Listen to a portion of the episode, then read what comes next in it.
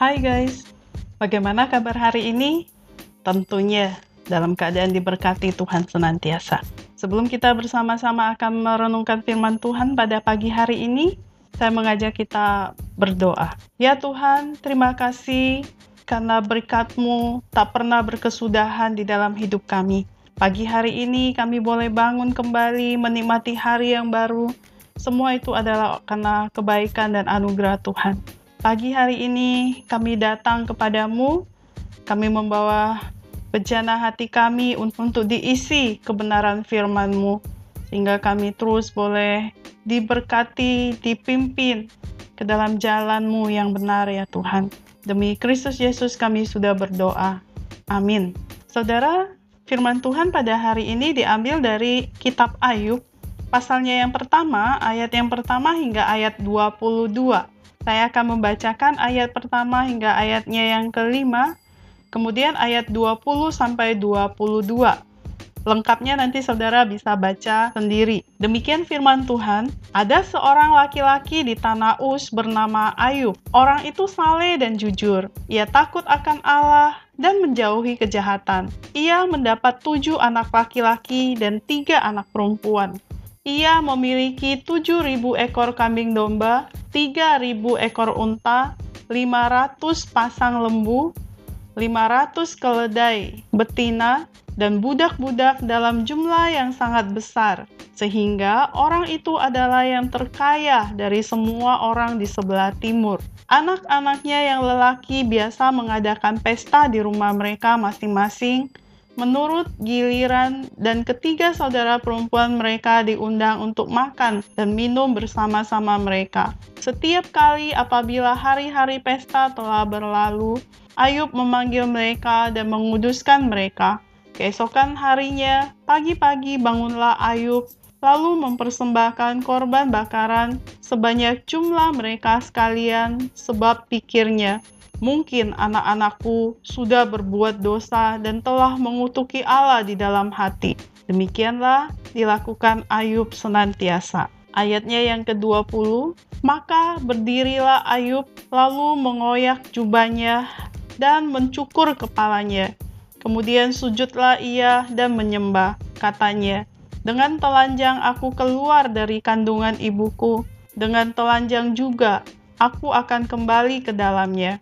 Tuhan yang memberi, Tuhan yang mengambil. Terpujilah nama Tuhan. Dalam kesemuanya itu, Ayub tidak berbuat dosa dan tidak menuduh Allah berbuat yang kurang patut. Saudara, renungan pagi hari ini bertemakan iman yang besar. Banyak orang mudah untuk taat kepada Allah dalam keadaan yang menyenangkan, tetapi bagaimana taat dalam kesulitan, saudara, banyak orang memilih berhenti taat kepada Allah dalam kesulitan, tetapi tidak dengan Ayub. Beberapa orang menafsirkan Ayub ini hidup sejaman dengan Abraham. Jadi sebelum Musa mendapatkan hukum Taurat, Ayub sudah mengerti tentang konsep ketaatan dan ia sudah menjalankannya. Dan Tuhan memuji ketaatan Ayub ini. Akan tetapi, Ayub belum pernah masuk dalam pengalaman iman di mana Tuhan mengizinkan sisi lain terjadi.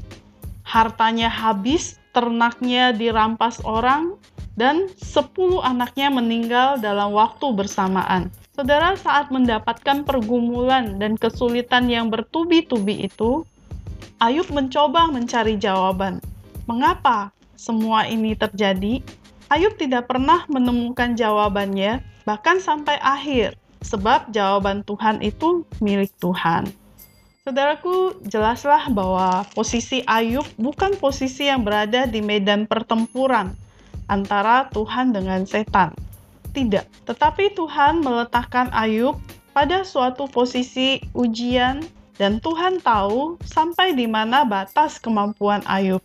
Tuhan tahu pasti Ayub pasti tidak akan pernah menyangkarinya, menyangkalinya. Iman Ayub adalah iman yang mau berbakti pada Allah, walaupun saat itu sulit untuk dilakukan. Saudara, Tuhan Yesus telah memberikan teladan kepada kita tentang iman yang seperti ini, yaitu ketika dia berada di Taman Getsemani Dan pergumulan ini ditutup dengan suatu kalimat, "Bukan kehendakku, tetapi kehendakmu yang jadi." Inilah iman yang besar ketika iman dalam kondisi terpuruk. Justru saat itulah kita tahu Tuhan menolong. Natur iman Ayub tidak berhenti, hanya sampai pada suatu tingkatan iman yang hanya sekedar mengerjakan tuntutan dari Tuhan. Iman Ayub ditunjukkan dalam ketaatannya kepada Tuhan. Ia tidak pernah meninggalkan Tuhan, meskipun mengalami kondisi yang begitu sulit. Saudaraku, adakah kita tetap didapati Tuhan menjadi orang yang taat padanya, bahkan dalam kondisi sulit? Sudahkah kita memiliki ketaatan kepada Tuhan untuk tetap setia padanya dalam pergumulan yang kita hadapi? Saudara, iman yang besar itu bersabar. Ia mau taat pada Tuhan yang besar. Nah, saudara, kiranya di dalam kondisi yang sulit bagaimanapun kita memiliki iman yang terus terarah kepada Tuhan yang besar dan kita diberikan kesabaran di dalam proses yang akan kita lalui. Demikian firman Tuhan, kiranya Tuhan menolong kita untuk melakukan firman-Nya. Bersama Yesus, aku bisa. Mari kita berdoa. Terima kasih ya Tuhan untuk kebenaran firman-Mu.